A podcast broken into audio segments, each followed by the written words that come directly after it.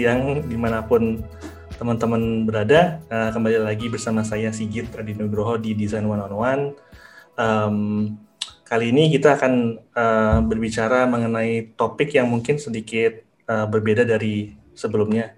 Kalau sebelumnya lebih banyak mengangkat soal misalnya manajemen atau best practice gitu ya. Uh, kali ini kita mencoba untuk menggali lebih dalam soal mindset mungkin ya atau approach gitu sebagai desainer gimana um, kita bisa unlearn. Unlearn dalam arti uh, bukan membuang sepenuhnya sih sebenarnya mungkin kayak membongkar lagi apa yang sudah pernah dipelajari dan kemudian uh, mempelajari hal yang baru demi untuk me, apa ya uh, mem, membangun mindset yang baru uh, pada masalah-masalah yang baru yang sesuai konteksnya baik di perusahaan maupun di di profesinya gitu. Nah, kenapa ini penting? Mungkin uh, selama ini kita lihat um, ya selain selain desainer itu punya konteks uh, yang udah dia pelajari selama ini, misalnya dari teori atau dari best practice yang udah ada, ternyata uh, setiap setiap perusahaan yang dia masuki atau setiap tahun bahkan itu um, punya konteks yang berbeda baik dari sisi user ataupun dari bisnisnya gitu dan um, mungkin ada banyak hal yang perlu kita pelajari ulang dan bersama saya ini ada uh, uh, Wahyuni Febriani um, uh. konsultan dari UX konsultan ya dari uh -uh. dari NAS Consulting ya um, mungkin nanti bisa dijelaskan lagi NAS Boleh. Consulting itu apa um, dan mungkin juga bisa di, di apa namanya diperkenalkan dirinya juga. Uh, apa kabar Yuni? Halo Mas Sigit, hmm. baik. Gimana Mas? Apa kabar juga? Baik, baik. ya, ini semoga sehat semuanya. Semoga, semoga. Ya, mungkin bisa bisa di, dikenalin diri dulu. Uh, Yuni uh, selama ini uh, perjalanan karirnya gimana? Terus mungkin sedikit tentang uh, NAS Consulting. Oke, jadi nama aku uh, Yuni, hmm. namanya Wahyuni Febriani, uh, biasa dipanggil Yuni aku sekarang ini kita secara kronologis mundur atau maju nih? kita uh, boleh mana aja. mundur uh, dari dari yang dulu aja kali ya. Dulu yeah. kuliahnya lulusan IT di hmm. BINUS, hmm. abis itu uh, kerja sebagai interactive developer, uh, front end developer juga, mainan animasi dan lain-lain. Uh, tiga tahun, abis itu baru nih uh, switch karir ke UX Uh, terus abis itu UX designer dulu, uh, sekitar setahun setengahan, abis itu memutuskan pengen jadi researcher, UX researcher, karena hmm. masih jarang banget waktu di Indonesia. Terus uh, memutuskan untuk cari beasiswa S2 dan uh, dapat kuliah uh, Human Computer Interaction di UCL. Abis itu lanjut. UCL itu mana ya, maaf? Uh, University College London. Oke. Okay, Oke. Okay. Terus bukan UEFA Champion League ya?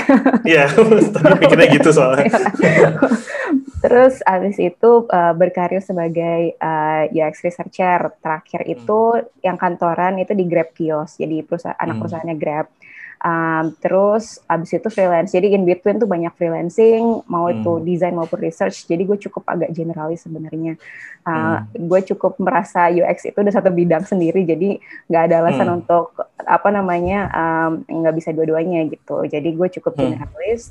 Uh, walaupun uh, lebih ke, ke UX design yang yang um, yang UX instead of yang UI-nya, yang craftingnya, hmm. dan lebih banyak research. Sekarang lebih banyak research sih kan gitu. Dan uh, sekarang tuh lagi merintis bisnis sendiri karena kemarin tuh freelancing setahun uh, uh, terus kayaknya uh, mau coba nih gimana kalau bawa brand sendiri gitu agency dan supaya bisa uh, apa namanya ngasih service yang lebih apa namanya semacam kayak consulting kan lebih lebih enak kalau misalnya kita partnership sama perusahaan gitu kan instead of jadi individual gitu. Jadi biar aku punya tim juga nggak sendirian karena uh, pontang manting kalau sendirian. Jadi aku akhirnya merintis ini. Baru bentar banget jadi kayak masih awal-awal dan masih interaksi masih kayak coba validasi bisnis model dan lain-lain juga gitu. Intinya pengen hmm. ngebantu perusahaan terutama mereka yang nggak punya akses ke apa namanya uh, ke mentorship yang yang mungkin mau nge-build uh, UX research team gitu atau kayak gimana mm -hmm. mulai gitu kan. Nggak semua orang punya akses ke uh, oke okay, bisa nge-hire ya researcher atau bisa nge-hire manager gitu kan. Hmm. um, yang tim-tim kecil gitu aku bisa bantu dari luar gitu. Dan gimana caranya um, mungkin agak lebih intens dari training atau workshop gitu. Um, uh, jadi aku bisa bantu nih. Atau mungkin kalau misalnya mau di outsource kerjaan risetnya aku juga bisa gitu. Jadi lebih fokus ke situ sekarang okay. um, dan di masa pandemi ini juga ada aja bisnisnya ya Alhamdulillah, nggak nyangka juga sih. Oke, okay. iya. Oke, okay, ini ini makasih banget udah udah di apa uh, dijelasin backgroundnya dan juga sedikit tentang perusahaan yang udah dirintis sekarang. Menarik banget. Um, mungkin kita langsung ke topiknya aja ya. Uh, mm-hmm. Jadi topiknya kali ini kan unlearn, re, mm-hmm. unlearn, relearn dan learn nih kalau nggak salah. Uh, uh. unlearn dan relearn. Jadi kayak secara gamblangnya itu adalah uh, uh, membongkar lagi apa yang udah udah apa ya pelajari. kita pelajari terus uh, kita pelajari lagi uh, konteks yang baru gitu uh, hmm. mungkin untuk apa ya untuk supaya kita jadi lebih baik lagi nah hmm. Mungkin sebelum masuk ke situ um, ini mungkin kayak sedikit background juga sih. Jadi dari ya uh, saya sendiri uh, sebagai uh, eh, UX designer juga selama ini merasa ya teori UX walaupun sebenarnya dulu kuliah nggak ada kuliah UX gitu. Cuman kan, nggak ada. Cuman kalau belajar uh, UX itu banyak teori yang available gitu di di buku atau di literatur atau di uh, di internet. Sekarang banyak banget gitu. Mm -hmm. ya semuanya tuh kayak happy scenario gitu tapi mm -hmm. ya maksudnya kayak uh, kita harus proses desain tuh kayak gini uh, dari mulai ideation, eh sorry yeah. discovery, ideation, terus um, prototyping apalah gitu kan. Uh, terus misalnya uh, untuk UI designer uh, udah kayak um, langsung ke UI kayak gitu. Uh, mm. Terus mindsetnya juga, oh gue sebagai desainer gue pengen didengerin banget gitu, tapi kok gue nggak didengerin nggak ada appreciate misalnya gitulah salah satunya. Mm -hmm tapi di dunia nyata nggak kayak gitu gitu. Mungkin antara perusahaannya mungkin nggak apa ya eh, nggak uh, suportif ke desainernya atau researchernya hmm. atau siapanya. Atau misalnya penggunanya gitu uh, pengguna produknya. Um, contohnya mungkin lebih kayak waktu ini gue pribadi uh, waktu gue kerja di uh, Expedia gitu misalnya. Um, ketika kita uh, ya uh, ini lebih kayak mindset orang bule gitu kan kebanyakan hmm. memang di perusahaan itu dari itu kan western company hmm. mereka mereka ngedesain nge-research nge, apa ya ngelihat produk itu hanya dari sisi mereka gitu tapi ketika hmm. mereka datang ke negara tertentu atau ke Asia Pasifik atau ke misalnya ke konteks tertentu mereka hmm. bahkan bahkan juga jadi bingung gitu how to make a, a better product for uh, this certain audience gitu. Nah jadi ada kayak apa ya uh, jeda gitu antara bukan jeda apa ya kayak uh, kayak jarak gitu antara um, apa ya teori atau, atau mungkin yang sudah udah pernah di yang jadi norm gitu selama ini sama apa yang apa yang ada di dunia nyata. Dan waktu itu saya lihat di tweetnya Yuni juga ada topik soal unlearn ini sih. Oh iya. Ya mungkin kalau menurut perspektif ya ini, ini panjang backgroundnya, cuman kalau menurut perspektif Yuni sendiri gimana?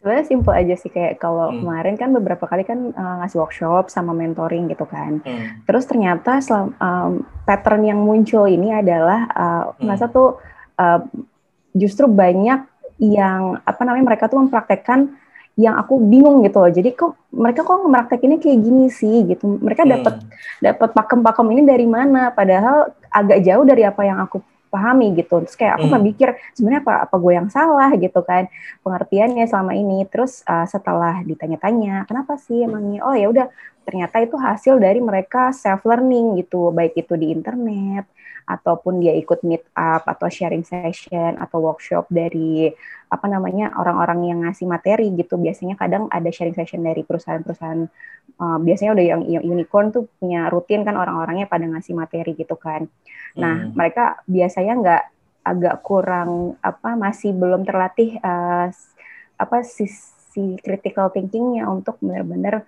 ini sesuatu apa pun yang dia dapatkan itu harus take it with a pinch of salt gitu loh ya. Nggak bisa langsung dipraktekin dan diambil gitu aja gitu kan. Harus dikritisi gitu kan. Mm-hmm. terus uh, jadi aku merasa kayak PR ku adalah gimana caranya nih ngeluruskan mindsetnya ini supaya mereka unlearn apa yang mereka udah pelajarin dan oke okay, hmm. gini ini keadaan perusahaan kalian seperti ini nih jadi kita hmm. sesuaiin dulu sama kebutuhannya gimana ini apa aja yang mesti tackle dan problemsnya kan kadang nggak cuma apa yang dilakukan kan dari apa praktek si UX itu sendiri tapi gimana cara scoping scoping itu skill yang sangat penting banget buat kita orang UX tapi jarang banget dibahas di kayak sharing-sharing session dan workshop itu itu tuh kayak utama banget gitu kan. Uh, otherwise berantakan kalau misalnya nggak bisa scoping, nggak bisa mengerti brief dengan jelas, nggak bisa mengerti kebutuhan uh, cross functional kan kadang beda-beda bahasanya ya. Entah PM yang ngomong apa, orang bisnis bilang apa, marketing bilang apa. Nah uh, itu dengan apa dengan terlalu mikirin teori-teori yang dipelajari sendiri itu jadi kayak bingung gitu kok nggak nggak klop hmm. sih sama yang dilakukan di apa di perusahaan gitu nah hmm. karena menemukan pattern itu terus kok merasa jadi kayak jadi nggak ada nggak efektif gitu ya eh nggak nggak efisien yang dilakukan gitu kan jadi um, so aku melihat kok ternyata memang uh, harus nih uh, apa belajar unlearn gitu kan. Jadi kayak hmm. oke okay, uh, once udah masuk ke ke suatu perusahaan mungkin kalau masih belum uh, framework itu kan sebenarnya teori dan framework itu kan dibuat uh, untuk mempermudah kita belajar kan ketika kita belum yeah, tahu apa gitu kan. Hmm. Uh, kalau belum ada framework ya mungkin kita bisa tetap belajar kayak misalnya kita zaman dulu nggak ada kan framework US dan lain-lain mas ya. Hmm. Pas awal-awal kan kita kita pakai common sense aja gitu kan dan emang sebenarnya common sense aja gitu kan. Cuma mungkin yeah. kita dulu lebih lambat lebih lambat lebih lambat gitu kayak oke okay, kita hmm. ngerjain satu proyek dulu dapat feedback dari bos lah atau udah live baru gagal prosesnya panjang kan. Sekarang kita kayak hmm. udah dikasih tahu nih ada framework uh, A ini gini, oh ini caranya ABC gitu. Jadi kan harusnya uh, framework ini untuk mengakselerasi proses belajar kita aja gitu kan sebenarnya. Hmm. Yang sebenarnya adalah common sense gitu. Nah, jadi uh, ketika sudah masuk ke suatu kerjaan gitu misalnya, udah udah pernah belajar teori, framework dan lain-lain, um, masuk ke kerjaan, berarti kan kita kan udah dihadapkan dengan satu keadaan gitu kan, uh, kedimana kita harus mempraktekkan itu dan ya udah maksudnya kita lupakan aja dulu yang situ, terus pergunakanlah dengan apa namanya uh, mempelajari si keadaan itu kan.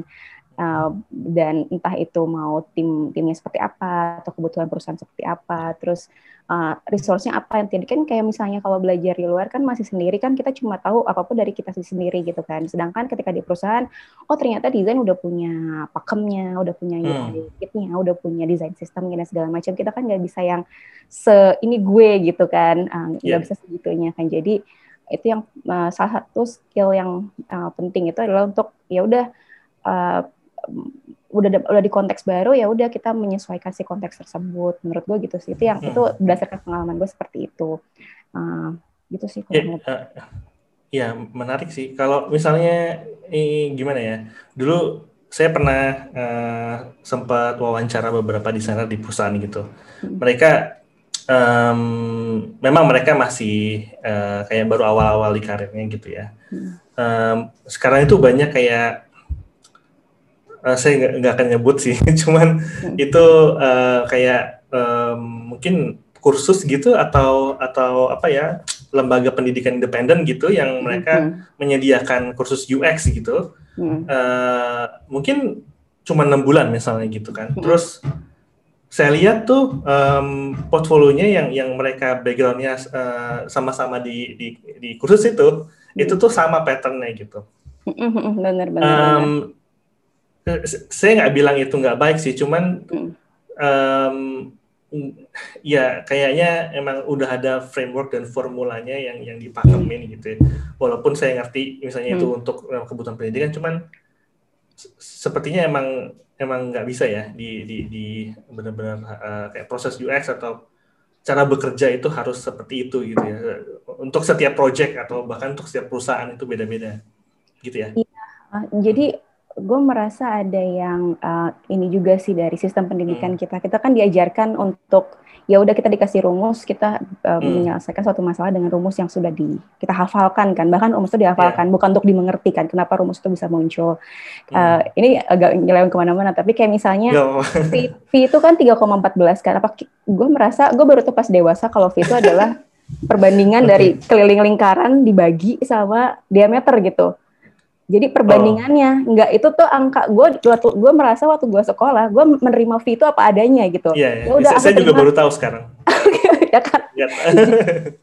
masalahnya kita nggak diajarkan nggak ter, terbiasa untuk itu hmm. gitu sedangkan hmm. itu suatu skill yang paling penting kan untuk mempertanyakan suatu keadaan hmm. um, jadi misalnya design thinking orang-orang ngomongin design thinking di mana-mana kan hmm. apakah orang-orang tahu design thinking keluar dari mana dan apakah mereka tahu kalau design thinking sebenarnya udah ada di akademis drama berdasarkan hmm. riset lalu dikomersialkan oleh IDEO gitu kan um, tapi kan banyak banget orang nyebutin oke okay, kita ngomongin design thinking bla bla bla bla tapi kayak bisa nggak sih kita hmm. criticize design thinking ini gitu misalnya uh, dan nggak bisa disalin juga mungkin ya karena kita korban dari sistem pendidikan yang seperti itu gitu jadi yeah. Iya. uh, butuh waktu agak uh, uh, beberapa lama gitu untuk hmm. Bisa bisa ke level oke okay, lebih kritis lebih kritis belajar lebih kritis lagi gitu. Itu ya, bisa nggak sih diajarin? Misalnya gini kalau uh, mungkin I'm also guilty of this karena beberapa tahun yang lalu um, eh, eh, saya juga pernah ngasih materi gitu soal desain sprint gitu misalnya atau desain sama sama gitu. jangan sedih. Sama. Belajar. Itu kan belajar itu kan sendiri kok. iya iya itu kan kayak udah ada pakemnya gitu. Cuman mm-hmm. saya pribadi saya lebih senang kalau itu tuh lebih kontekstual dan based on case study gitu kan jadi nggak hanya oh ya pokoknya harus ngerjain lo harus ngerjain ini tuh kayak gini persis gitu um, tapi bisa nggak sih ya, menurut Yuni apa yang apa yang bisa diperbaiki dari pemateri misalnya mereka hmm. ngasih course tentang design thinking atau design spin hmm. apa yang bisa diperbaiki? Uh, iterasi aja sih sama kok kayak hmm. kayak gue kan juga ngajar kan jadi ya kalau ngelihat materi yang lama ini apaan sih gitu kan padahal hmm. baru beberapa bulan lalu tapi udah merasa ya apaan sih ini materi setelah dicoba ke beberapa orang lain gitu kan jadi uh, ya nggak maksudnya kita kan justru di UX dan di di tech industry ini kan mereka kita embrace failure kan maksudnya hmm. uh, kita embrace iteration gitu kan jadi ya udah hmm. maksudnya nggak usah apa namanya ya udah nggak usah gengsi ke diri sendiri biasanya kan kita gengsi ke diri sendiri banget ya kalau desainer hmm. kayak hmm. aduh eh, gue udah ber, punya ini pendirian nih tapi ya itu embrace hmm. iteration aja kalau misalnya ah kemarin gimana yang ngajar pas mau bikin materi baru gitu uh, kalau hmm. gue biasanya kayak coba ah, pelajarin lagi gue google lagi atau gue cari-cari source yeah. resource lainnya gitu gue tambahin uh, gue perbanyak uh, contoh case-nya gitu hmm. jadi ya udah jadi kalau misalnya apa jangan pernah merasa puas sama diri sendiri aja sih kayak gue hmm. juga merasa insecure all the time gitu ini juga salah satu efeknya di sini kali ya di di tech hmm. industry hmm. jadi kayak gue merasa kayak aduh masih kurang terus gitu jadi itu sih hmm. kalau Yuni lihat ini uh, masalahnya juga nggak ada nggak cuman ada di uh, mereka yang baru mulai karir ya tapi juga hmm. yang udah benar-benar season gitu berbumbu maksudnya udah udah senior banget gitu udah senior uh, jadi di semua level ada ya kayak masalah ini tuh uh -huh. hmm. kayak apa ya soalnya kan banyak faktornya ya hmm. contohnya kayak misalnya ya beda perusahaan aja udah beda beda concern gitu kan hmm. terus um, apa ya kayaknya kalau sekarang di Indonesia kan mungkin levelnya tuh baru mid junior mid sama senior ya gue nggak tahu apakah belum ada kan kita punya donorman sendiri gitu atau oh maksudnya yang kayak yang udah uh, berpuluh figur ya tahun figur, figur ya? gitu ha yeah, yeah, yeah. jadi ya gue merasa senior senior level as in udah manager manajerial dan uh, head gitu kan juga sebenarnya ya levelnya senior lah ya maksudnya hmm, hmm, belum hmm. sampai jadi yang apa dewa gitu kan jadi ya masih ada room for improvement juga gitu walaupun mungkin kalau misalnya mungkin dia udah jago banget pasti kan ada cara menyampaikannya juga mungkin masih harus di, di dipelajari hmm. lagi kan. Benar. Lagi-lagi kan konteks lagi kan gitu. Ya, kalau kita mau ngajarin, pasti kan kayak kalau kita mau ngasih materi ke, contohnya waktu itu uh, gue ngasih materi ke startup gitu, misalnya startup kecil, santai bisa ketawa-ketawa, tapi itu gue kasih materi ke satu bank besar gitu, kayak sharing session, hmm. terus kayak deg-degan. Jadi kan bahasa juga harus diatur dan segala macam gitu kan. Jadi mungkin yeah. kalau mungkin di, dari segi materi sudah matang dan sangat berpengalaman, tapi mungkin di cara penyampaiannya masih bisa diimprove lagi gitu gimana mungkin belum ada level akademis gitu ya yang yang udah walaupun memang sebenarnya yang yang nggak semua akademis itu maksudnya ya yeah, I mean they're good but sometimes we don't need that level of communication maybe. Tapi at least mungkin menurut Yuni um, ada apa ya level of authority-nya gitu kali ya dan authenticity-nya mungkin. Um, kalau ngelihat kayak uh, apa namanya um, pernah nggak sih uh, ada ada contoh konkret apa lagi yang selain kayak workshop gitu uh, uh, uh, mungkin yang lebih konkret dari ketika Uni kerja di perusahaan sebelumnya ada nggak sih uh, momen di mana uh, Uni harus unlearn atau mungkin tim Uni harus unlearn gitu? Oh, aku uh, gua kemarin kan dari kuliah S2 kan dan harus masuk hmm. ke tech-tech gitu kan. Uh, walaupun yeah. sebelumnya juga di startup, tapi ini udah startupnya udah lumayan lebih besar yang yang setelah hmm. lulus itu. Dan um, jadi selama setahun kuliah tuh somehow gue sudah sangat terlatih untuk jadi orang akademis gitu kan. Jadi hmm. kalau nulis uh, ya udah pakai caranya akademis gitu kan, hmm. um, panjang, uh, elaboratif gitu kan. Jadi kayak uh, deskriptif banget gitu kan kalau ngomongin. Uh, padahal sebenarnya ini kerjaan di, di, di apa kemarin pas kuliah gue juga sebenarnya sama aja kayak hmm. kerjaan sehari-hari UX gitu kan. Uh, yeah. Cuma cuma untuk cara mereport uh, reportingnya itu beda gitu kan harus uh-huh. lebih harus lebih saintifik uh-huh. gitu kan nah uh-huh. pas masuk ke industri gitu kan belajar lagi nih kebetulan karena bukan walaupun orang baru nih UX researcher baru di industri tapi karena udah pengalaman kerja lumayan sebelumnya jadi kita udah mulai dari kalau ngomongin apa collaboration sama work ethic udah udah terbiasa lah kita kerja sama orang lain kan. Jadi tinggal gimana mengkomunikasikan si skill ini gitu kan. Nah, itu lumayan hmm. tuh dulu kayak bikin report panjang-panjang gitu padahal kan hmm. stakeholder kita butuh panjang-panjang gitu kan. Butuhnya straightforward hmm. nih.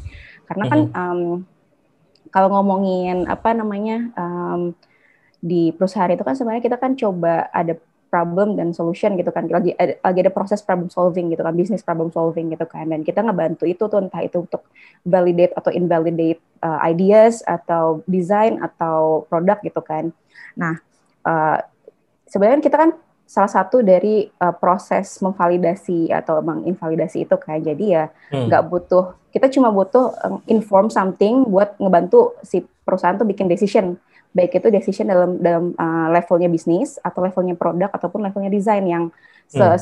sesimpel se, se kita mau pakai desain yang mana atau desain ini uh, udah cocok atau belum untuk di apa develop uh, sampai ke oke okay, gimana nih si produknya atau si bisnis idenya sebenarnya make sense atau enggak gitu bagus uh, hmm. bisa bisa dilakukan atau enggak jadi kita kan cuma mau ngasih uh, salah satu kalau, kalau researchnya kan pengen ngasih satu uh, um, input gitu lah ya dari dari banyak gitu nggak cuma dari UX doang gitu jadi itu, itu yang penting juga jadi kayak kita nggak nggak kalau misalnya di teori itu kan biasa kita UX adalah si user banget nih padahal kan sebenarnya yang tahu user nggak cuma kita gitu orang data tahu orang CS tahu kita iya, tahu yeah, terus betul. juga ada orang hmm. marketing tahu kok tentang uh, hmm. apa customer kita jadi kita tuh salah satu dari berbagai faktor yang akan jadi uh, apa landasan si si decision itu dibuat di perusahaan gitu. Jadi hmm. ya udah gitu. Jadi uh, dikomunikasikannya sesuai sama proses itu gitu. Sedangkan kalau akademis kan 1.500 satu kali satu esai padahal bikin padahal usability testing tapi hmm. uh, mesti bikin reportnya 1.500 uh, words gitu kayak gitu-gitu hmm. yang susah. Hmm. Nah kan akhirnya oh belajar. Jadi oke okay, kita lupakan dulu tuh akademis, kita cari tahu nih gimana cara yang uh, unlearn dulu yang itu kita coba lagi. Oke okay, hmm. kita sesuaikan dulu nih di, di di company ini gimana enaknya gitu. Ya ini kalau saya bisa sharing juga pengalaman sendiri sih. Kayak di perusahaan yang sekarang memang ya momen unlearn itu uh, ya lebih ke misalnya kalau jadi um, kalau dulu kan mungkin lebih banyak uh, solutioning gitu kayak langsung ke hmm. solutionnya gitu. Hmm. Nah di perusahaan yang sekarang itu uh, kita lebih banyak spend waktu untuk ngertiin problemnya gitu. Karena sebagai desainer kadang-kadang kan pengen jump into solution atau misalnya hmm. engineer juga pengennya oh udah gini aja gitu kayak hmm. dan di perusahaan yang sekarang tuh uh, kayak dipaksa gitu untuk ya udah kalau misalnya ujungnya nggak perlu UI yang segimana gitu ya nggak usah gitu jadi banyak hal yang sebenarnya uh, kayak dipaksain gitu selama ini kalau kalau saya saya merasa gitu merasa hmm. lihat ke belakang gitu ya dan ternyata solusinya itu kadang memang nggak nggak usah sekompleks itu gitu dan hmm. itu juga udah bisa di, diukur dan dan punya dampak itu sih salah satu momen unlearn um, terus mungkin juga yang kedua kayak uh, itu tadi yang Yoni bilang kayak dulu kan kita gatekeeping banget tuh ya sebagai desainer ya kayak oh we are the one who understands the users the mm-hmm. most gitu kayak um, dan prosesnya tuh pokoknya di kita gitu. Nah, yang lain tuh nggak tahu apa-apa gitu. Mm-hmm. Tapi pada akhirnya sekarang uh, ya udah gitu, lebih pasrah aja gitu kayak oh, oh iya kalau misalnya menurut mereka itu yang terbaik buat user ya udah gitu, bukan berarti kita yang harus uh, punya suara atau kita yang menentukan pada akhirnya gitu. Mm-hmm. Menarik banget sih. Um, um, terus, nah um, kan Yuni pernah di di di apa di UK terus di eh tapi di UK nggak kerja ya waktu itu ya? Nggak kerja. aja. Oke. Susah di sana. Oke oke oke. Ya tadinya mau nanya soal kayak perbedaan uh, kultur di sana. Kultur uh, apa ya misalnya UX di sana dan dan di Indonesia. Uh, kemarin lumayan sih hmm. kita dapat jadi hmm. kan alumni alumni kampus uh, itu lumayan banyak yang di industri kan. Itu macam-macam hmm. banget dan mereka punya sesi sharing tiap minggu tuh ada orang hmm. alumni beda-beda gitu kan sharing dan hmm. itu hmm. seru banget sih hmm. seru banget karena uh, sebenarnya kalau dipikir-pikir nggak jauh beda gitu yang dilakukan cuma mereka tuh sudah si uh, si UX ini atau human centered design itu sudah diaplikasikan di berbagai relung bisnis gitu loh kayak di berbagai hmm. industri di, terus di healthcare gitu kan terus di uh, government di government gue suka banget sama government digital gov.uk ya iya gov.uk itu materi-materi bisa seru banget dipelajarin itu praktikal hmm. buat kita yang di industri bahkan gitu hmm. Hmm. dan itu yang gue juga seru karena salah satu lead UX researchernya dia sharing dia alumni dia bilang um, mereka itu iterasinya itu uh, tiap dua minggu sama sprint juga jadi hmm. mereka hmm. Hmm. waktu seminggu dan mereka nggak punya hmm. waktu buat reporting jadi supaya desain iterationnya cepat kan. Mm-hmm. Uh, jadi uh, researchnya udah uh, uh, apa riset riset uh, ambil data planning ambil data terus ya udah mm. present ke ke tim timnya ya udah pakai post it doang katanya gitu yang penting iterationnya cepet gitu sih desainnya udah dapat versi barunya gitu jadi uh, itu kayak wah government melakukan ini loh ternyata. Jadi uh, sebenarnya kalau ngomongin ini uh, mindset ya sama-sama aja gitu. Uh, cuma hmm. mereka udah banyak dipraktekkan di mana-mana gitu. Terus gue waktu hmm. sempat volunteer di kayak conference gitu, mobile UX conference gitu. Jadi penerima tamu doang sih kayak cuma tanda gitu. Terus kayak ngeliat tuh kan industrinya apa aja nih. Oh kayak retail gitu tuh semua udah pada pakai gitu yang yang perusahaan-perusahaan yang kok kayak bukan perusahaan-perusahaan teknologi atau apa namanya digital gitu hmm. tapi perusahaan-perusahaan konvensional gitu perusahaan-perusahaan yang kayak hmm. gue lihat uh, apa bank lah apa segala macam oh hmm. ternyata kayaknya kayak gitu udah udah dipakai di mana-mana gitu hmm. Ya, ini kayak kenapa gue nanya gitu, kayak uh, perbedaan um, culture uh, UX atau UX maturity level gitu ya di di di Indonesia versus di yang lain. Mungkin mungkin um, gimana ya? Jadi kayak um, banyak perusahaan ya contohnya misalnya uh, banyak perusahaan yang masuk ke Cina gitu. Tapi mereka nggak bisa they cannot win the local markets juga gitu Indian gitu ya. Ada ada sih ada paper yang yang kemarin di share itu. Iya, iya, iya, uh, Western internet firms uh, they never succeeded in China gitu. Yang succeeded in China itu kebanyakan yang um, justru bukan Western internet bu, bukan internet firm malah. Western tapi bukan internet firm kayak perusahaan yang kayak apalah uh, makanan gitu atau atau mungkin iya iya. gitu. Nah itu tuh jadi kayak momen ini ini uh, pengalaman saya pribadi di beberapa perusahaan yang western internet firms gitu. Mereka berusaha untuk masuk ke uh, apa ya market lokal gitu ya misalnya Cina atau mungkin ya ada juga ke Indonesia. Kebanyakan dari mereka juga sebenarnya honestly they don't have the apa ya the motivation atau kesadaran untuk unlearn juga gitu loh. Nah, sebagai desainer atau ya sebagai ya pegawai gitu di di perusahaan ini gitu, apa yang bisa kita lakukan gitu untuk menumbuhkan apa ya um, atau kayak, kayaknya bikin sadar lah bahwa kita harus unlearn whatever we have gitu karena ujung-ujungnya it's mereka bakal prioritas ke bisnisnya juga sih sebenarnya dan akhirnya kalau misalnya mereka nggak nggak nggak nggak nggak ngelihat ada bisnis impactnya gitu mereka nggak akan ke situ gitu menurut hmm. ini gimana karena belum ngalamin jadi nggak kebayang karena itu challenging banget sebenarnya ya iya yeah. uh, serius nggak kebayang karena gak udah levelnya ya paling kayak mengkomunikasikan um, hmm. apa ya kayak uh, kayak kalau misalnya sebagai researcher ya berarti harus uh, hmm. mengkomunikasikannya tuh uh, kita nggak cuma sebagai individual gitu, user nggak hmm. cuma sebagai satu individual, tapi hmm. suatu kumpulan community juga sebagai um, sesuatu yang apa uh, individu yang terpengaruh oleh budaya gitu secara konteks. Hmm. Jadi ya. nggak uh, yeah. cuma oke okay, uh, user behaviornya gini gini gini, tapi oke okay, hmm. ini possible faktornya itu salah satunya oh ada culture ada kebiasaan ini ada kebiasaan ini hmm. di Indonesia kayak gini hmm. gitu kali ya mungkin itu salah satu PR yang untuk mungkin multinational company harus pelajarin adalah kayak nggak semua nggak semua hal itu uh, behavioral gitu maksudnya secara individu gitu tapi kan banyak hmm. juga yang karena uh, uh, budayanya di hmm. apa di di negara neg, di negara tersebut gitu kan hmm. apa yang hmm. buat beda itu bisa bisa bisa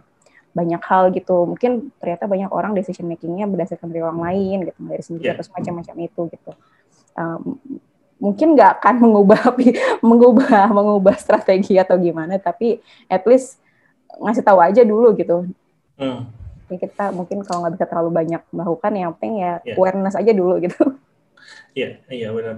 Paling ini ya, kayak memperkuat dengan data dan findings gitu, yang konkret gitu ya. Mm -hmm. Ya, so soalnya saya merasa nggak fair gitu. Kadang kita um, emang sih kita bukan yang punya perusahaannya gitu, tapi um, tapi mikirnya kayak kita uh, harus kayak kebanyakan orang-orang lokal yang di hire gitu harus kayak ngertiin gitu kan um, mindsetnya mereka, tapi kayak ya itu ini ini kayak um, concern dari banyak pihak sih, nggak cuma desainer aja gitu ya. Mereka juga nggak mungkin merasa uh, marketnya atau pasarnya nggak ada hmm. di ngertiin gitu. Dan padahal kita udah kayak semangat banget untuk untuk membuktikan gitu. Hmm. Karena yeah. sebenarnya kalau lokal pun ini kok banyak kayak karena kan ke, kalau di Indonesia kan orang uh, juga karena masih baru gitu kan banyak orang yang pengen bikin versi Indonesianya yeah. produk apa di US gitu versi Indonesianya produk apa di Cina paling banyak itu kan kalau ke US hmm. Cina gitu kan Uh, hmm. Itu juga kayak padahal kan yang yang bikin ya orang lokal juga gitu orang Indonesia hmm. juga cuma mindsetnya ke situ kan itu juga hmm. kadang bahkan itu itu pun udah gak, apa agak sulit gitu kan diubah gitu hmm. apa mindsetnya jadi ya cuma bisa itu aja pakai data pakai apa hmm. uh, yang memang ya kita komunikasi ini juga uh, secara sesuai dan itu sih gue juga sekarang jadi belajar tentang bisnis uh, hmm. decision making gitu jadi biar yeah. ngerti mindsetnya gitu karena kalau kita nggak berbicara bahasa bisnis ya agak susah juga gitu untuk nyambungin yeah. gitu. Iya, yeah. itu benar banget. itu challenge uh, desainer tiap hari sih. Mm-hmm. Jadi ada ada benar juga ya kalau desainer itu nggak harus cuma bisa coding tapi harus juga ngerti bisnis gitu ya. Mm-hmm. nah, sekarang mungkin harus agak-agak generalis sedikit ya, bukan generalis sih sebenarnya. Kalau generalis kan harus Nah itu siapa kok bingung uh, apa pun namanya itu, tapi kan kita harus knowledgeable lah ya, maksudnya kita mau kerja di mana gitu, maksudnya kalau mau kerja di uh, ya di tech industry gitu misalnya ya berarti harus ngerti kan uh, komponennya kan user, bisnis sama hmm. teknologi gitu ya. At least knowledgeable gak harus bisa ya, berarti kalau generous kan mungkin harus agak bisa dikit gitu kan. Ini kan kayak hmm. yang knowledgeable gitu tahu dan minimal tahu apa ya bahasanya lah supaya kita bisa komunikasikan gitu. Iya. PR kita banget. semua, PR kita semua. iya betul, nggak cuma desainer ataupun nggak cuma researcher atau nggak cuma engineer juga hmm. ya semua. Hmm. Itu yeah. gue baru baru hmm. come into uh, apa realization gitu kayak kita hmm. pengen banget promosiin product thinking, eh apa design thinking gitu kan. Tapi hmm. apakah kita benar-benar mau pelajari tentang produk, tentang bisnis, tentang teknologi? Kayak itu kurang didengungkan kan. Padahal kita kayak pengen banget mengadvokasi oke okay nih design thinking nih um, desain harus diperhitungkan gitu kan. Tapi apakah kita sudah gitu mem, apa uh, mempelajari yang lain juga gitu kan. Itu kan penting juga sebenarnya. Itu tamparan banget sih. Jadi emang um, ya itu kan ada meme ya kayak now designers have a seat on the table but they just don't know what to do or what to say gitu. Ya yeah, um, Iya sih, dan ini juga pengalaman sendiri juga kayak um, semakin senior sebenarnya desainer itu atau researcher itu juga semakin semakin terekspos sih kan uh, dengan segala macam uh, apa ya um, sisi dari perusahaan ya termasuk bisnisnya termasuk dari teknologinya gitu. Hmm. Mungkin mungkin kalau kita awal-awal karirnya kita bisa lah um, duduk di di meja sambil dengerin musik terus kerjain UI seharian gitu kan. Tapi semakin senior ya semakin terekspos gitu. Walaupun nggak pengen tapi pasti akan semakin terekspos hmm. dan semakin apa ya masuk ke dalam itu semua sih. Hmm. Ya ini ini uh, mungkin waktunya udah uh, hampir habis, cuman hmm. mungkin lima menit terakhir pengen ini aja disimpulkan gitu kali ya. um, mungkin uh, menurut Juni, jadi dari percakapan ini sebenarnya unlearning itu apa sih gitu? Mungkin dari segi UX sih. Uh, mungkin kalau unlearning adalah coba hmm. proses kali ya proses untuk uh, mencoba mempelajari pelajari me, me, memahami nih konteks baru dan coba oke okay, kita uh, apa yang udah kita lakukan yang lama mungkin kita coba hmm unlearn dulu dan gimana caranya nih kita menyesuaikan konteks yang baru, terus kita hmm. berpegangan kukuh sama critical thinking dan common sense kita dan yeah. ilmu yang sudah kita dapat sebelumnya, tapi mungkin praktis uh, yang kita sudah lakukan sebelumnya nggak necessarily bisa langsung dipraktekin hmm. di situ. Jadi mungkin kita kayak oke okay, kita learn something new lah, kita kita coba memulai yang baru gitu kan. Atau mungkin kalau misalnya yang baru banget, tadinya belajar teori, uh, hmm. setelah masuk gitu kan setelah masuk maksudnya kalau sebelumnya nggak masalah banget belajar teori tapi coba dilupain dulu coba pelajarin dulu nih konteksnya gimana dan uh, ya udah uh, coba menyesuaikan sedikit demi sedikit gitu berproses. bukan bukan dilupain selamanya ya bukan jadi dilupain bukan sebenarnya jadi kayak coba make sense of it lah gitu tapi hmm. nggak hmm. nggak bisa rigid gitu oke gue praktekin A sebelumnya dan sekarang A harus gue praktekin di sini Terus um, yang kedua, um, gimana caranya kita supaya develop skill untuk unlearn itu? Mungkin apakah ada ya contohnya ya, uh, apakah harus uh, punya skill komunikasi yang lebih baik atau misalnya mulai untuk belajar uh, sisi lain kayak bisnisnya gitu? Um, yang pertama itu mungkin hmm. ask why, tanya kenapa gitu kalau menerima sesuatu dipertanyakan gitu, dipertanyakan hmm. atau mungkin di follow up itu penting banget. Kalau kerja sama hmm. orang kan kita kalau nggak jelas ya diperjelas gitu. Jadi uh, tadi berarti uh, coba kalau kalau misalnya mau memahami uh, sekitar gitu, tanya aja sama orang.